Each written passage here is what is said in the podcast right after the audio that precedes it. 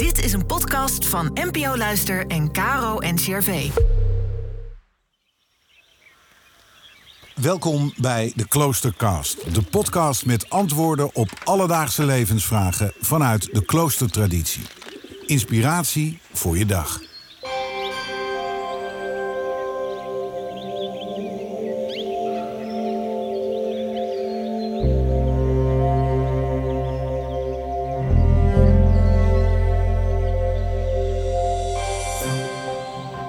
Is gehoorzaamheid zoiets als kadaverdiscipline? Niet voor Guido van Bellen, abt van de Trappistenabdij Maria Toevlucht in Zundert.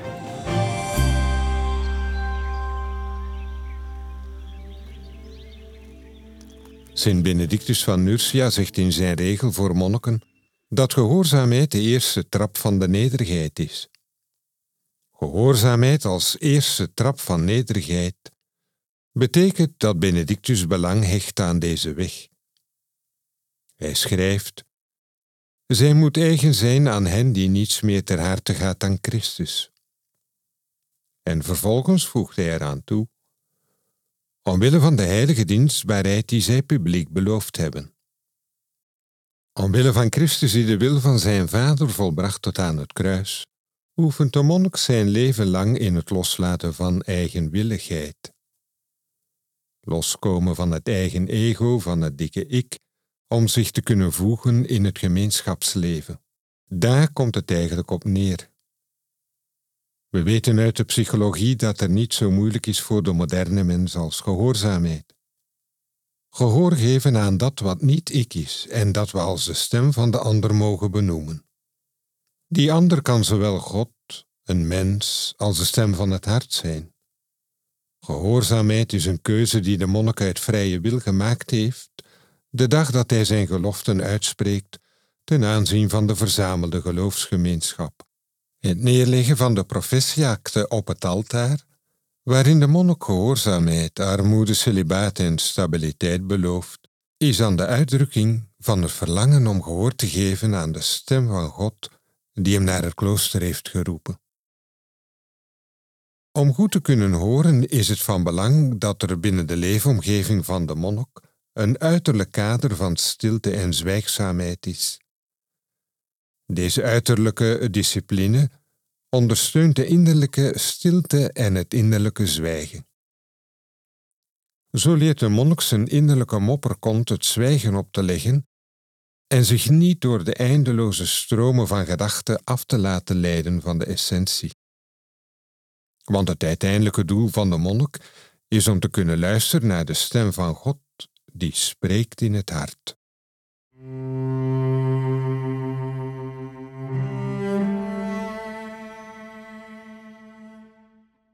Twee aspecten van gehoorzaamheid zijn van belang.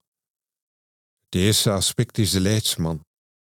Iemand die in de concrete omstandigheden van het leven de monnik de weg wijst in het volbrengen van de wil van God, voor zover men die kan kennen. Deze leidsman kan de overste, de novicemeester die de nieuwelingen begeleidt, de geestelijke begeleider of een medebroeder zijn. Het tweede aspect gaat over verzaken aan zichzelf om Gods wil te doen. Een perspectief van versterving dat ook het lijden van Christus kenmerkt. Niet mijn wil, maar de uwe. Dit tweede aspect gaat verder dan het eerste. De monnik kan nog altijd verder gaan in de gave van zichzelf om Christus te volgen. In die zin is gehoorzaamheid altijd actueel als men haar beschouwt als navolging van Christus. Wie er beveelt of wie er spreekt is dan niet meer belangrijk. Het enige wat ertoe doet in dit perspectief is dat men het kruis omhelst en het lijden niet uit de weg gaat. Het gaat hier om overgave en toevertrouwen, woorden die nogal eens weerstand oproepen. Het liefst wijzen we alle lichamelijk, psychisch en spiritueel lijden af.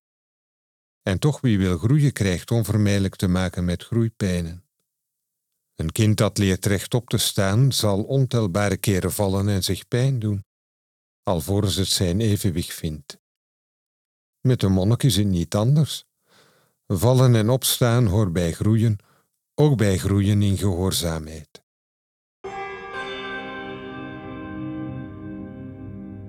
Huub Oosterhuis dichtte een prachtig lied waarmee ik bij wijze van gebed wil afsluiten. Hoor, maar ik kan niet horen, mijn oren dichtgestopt, mijn adem opgekropt, mijn hart van leegte zwaar. Ik ben nog niet geboren, ik ben niet ik, niet waar. Hoor, maar ik wil niet horen. Zou ik uw woord verstaan, ik moest uw wegen gaan, u volgen hier en nu. Ik durf niet zijn geboren en leven toe naar u. Hoor, roept gij in mijn oren en jaagt mijn angst uiteen.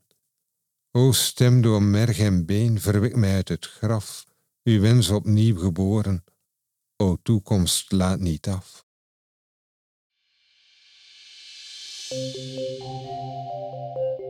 Morgen geeft Franciscaan Hans-Peter Bartels antwoord op de vraag: waar komt toch dat wij-zij-denken vandaan?